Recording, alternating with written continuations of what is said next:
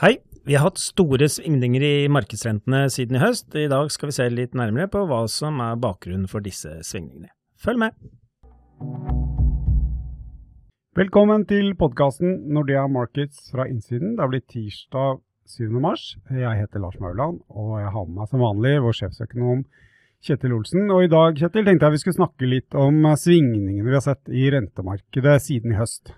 Ja, det har vært store svingninger eh, i de internasjonale rentemarkedene. Her i høst så var det jo renter ned som var inn, på en måte. Altså de lange amerikanske rentene falt mye gjennom høsten. senhøsten? Inn, ja, senhøsten og inn på, på nyåret.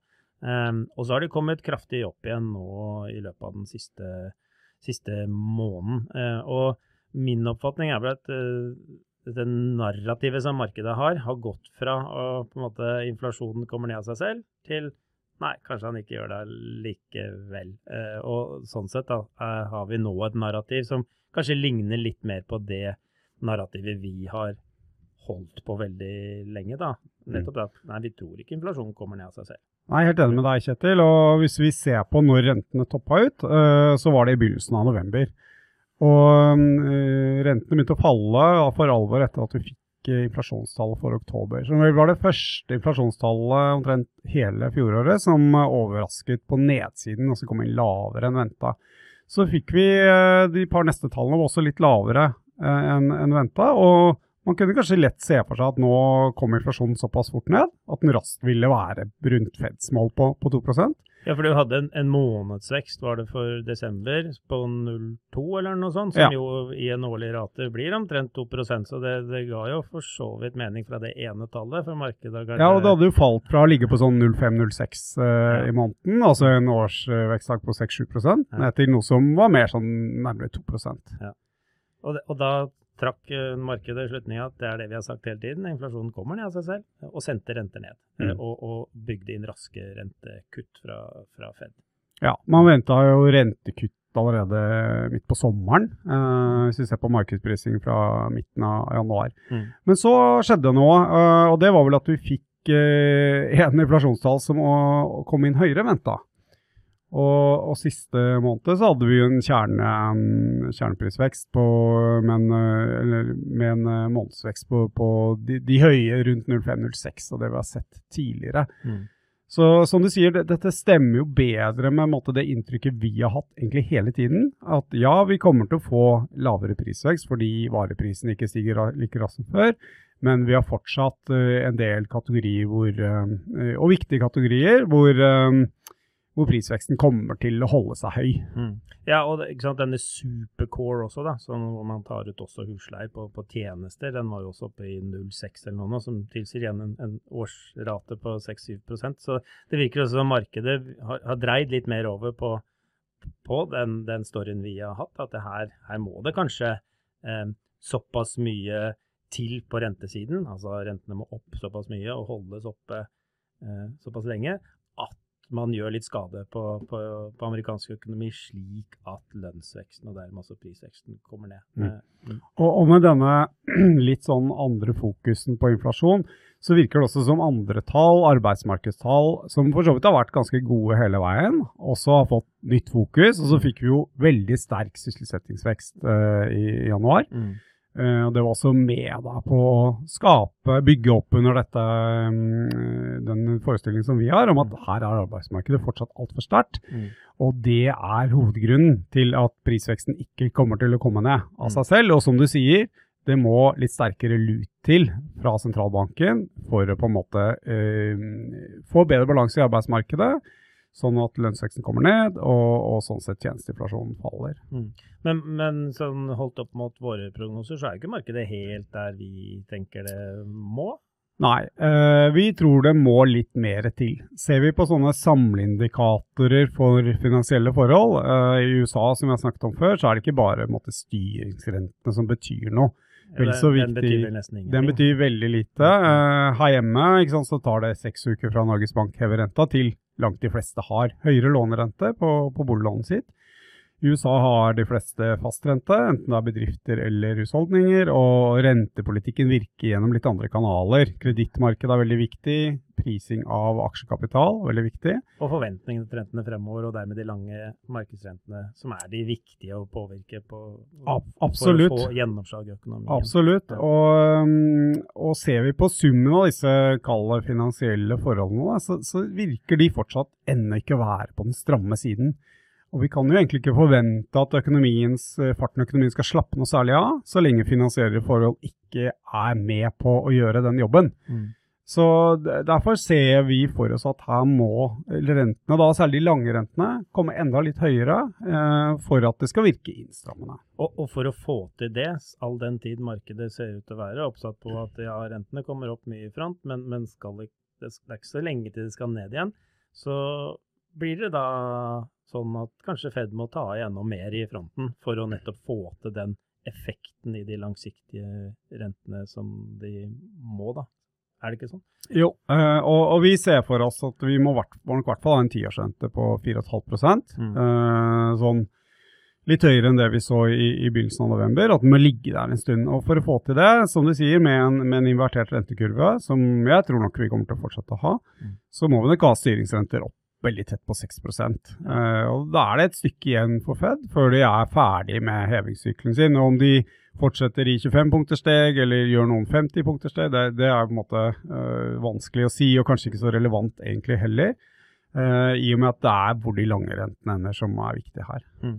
Og det, det, betyr jo da at uh, ta tiårsrenten i USA I dag ligger den på 3,92 eller noe sånt, så det er sånn 60 punkter oppside minst, da, er vel det vi, vi, vi sier.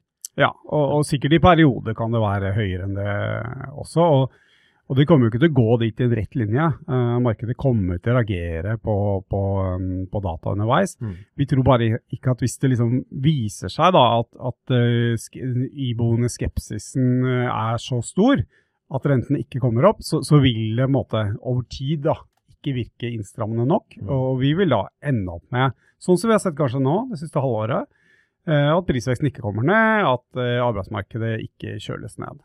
Jo, for det er, det er jo en del forhold som på en måte eh, og Det er jo gjengs liksom for alle økonomier, både norske, europeiske og amerikanske, at det virker som om økonomiene på en måte har tålt de renteøkningene, de kraftige renteøkningene som kom i fjor.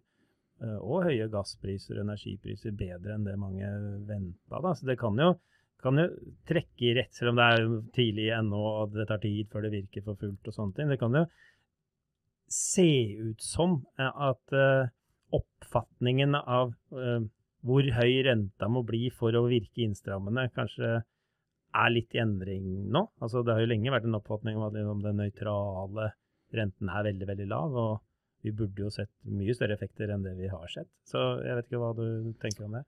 Ja, eh, og det er interessant du sier det, fordi det har kommet noen drypp nå helt i det siste. Eh, kanskje som reaksjon på denne oppgangen i priser og, arbeidsmarked i, år. Eh, og noe for så vidt vi har etterlyst en stund, en litt mer sånn diskusjon rundt dette nøytral rente-temaet, da. Som var veldig hot, egentlig, kall det inn mot covid, kanskje. Da var det mye snakk om det, og så har det vært helt dødt egentlig siden da. Nå begynner det å dukke opp litt igjen. og det, det, ville jo vært en god forklaring på hvorfor økonomien har tålt denne renteoppgangen såpass godt. da. Mm. Det at uh, forholdet i økonomien gjør nå at uh, nøytrale renten uh, egentlig er høyere enn mm. det den var før, før pandemien. Mm. Ja, og, og, vi har vel også hevdet at den nøytrale renten også før pandemien var høyere enn det sentralbankene og markedet kanskje tenkte. Og så er det forhold i kjølvannet av pandemien som kanskje har forsterket det. da. Jeg tenker da på liksom disse store sparebufferne som husholdningene sitter på. Eh, de er ikke så interessert i å spare nå, de har spart nok. Eh, det trekker jo alt annet likt i retning av en høyere såkalt nøytral rente. Og du har finanspolitikk også, kanskje særlig i USA, som virker sånn som jeg vurderer, i hvert fall kraftig stimulerende med denne infrastructure spending og plan og, og Inflation Reduction Act. Det er mye penger altså, mm. og masse investeringer som nå, nå, kommer, og som suger opp mye ressurser. Så, ja, mm. absolutt. Og, og, du kan si altså, vi har gått fra en situasjon hvor, uh, hvor folk har spart, mm. til at man nå skal bruke opp mm. sparepengene. Det er mm. ganske lenge siden sist, egentlig. Og, og finanspolitikken ja, USA åpenbart uh, mye mer ekspansiv enn det vi har sett med, med Biden. Og det hadde nok skjedd uansett. Det var jo det han måtte gikk til valg på, en mer ekspansiv finanspolitikk. Men, men, covid har også måtte, bidratt veldig her. da. Mm. det ble delt ut vanvittig mye penger under pandemien. Uh, de pengene er man i ferd med å bruke opp, men, eh, men det er klart hvis du, hvis du, bruker penger, så ender de i lomma til noen andre, og så må han bruke de, og så, så har man det på en måte litt gående. Men også i Europa så er det jo store planer om, eh, om uh, offentlig pengebruk som ikke har kommet helt i gang ennå. Mm.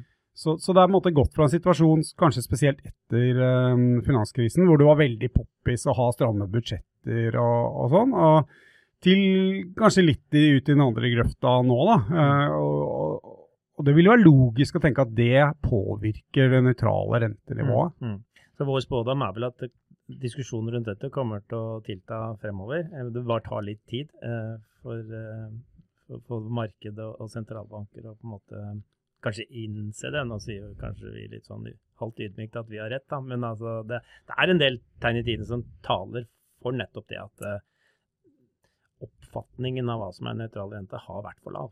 Ja, enig. Og, og da var det veldig mye fokus på inflasjon. Og hvorfor man har bomma så mye på inflasjon, og hva grunnen til inflasjonen er, kommer den ned og sånn.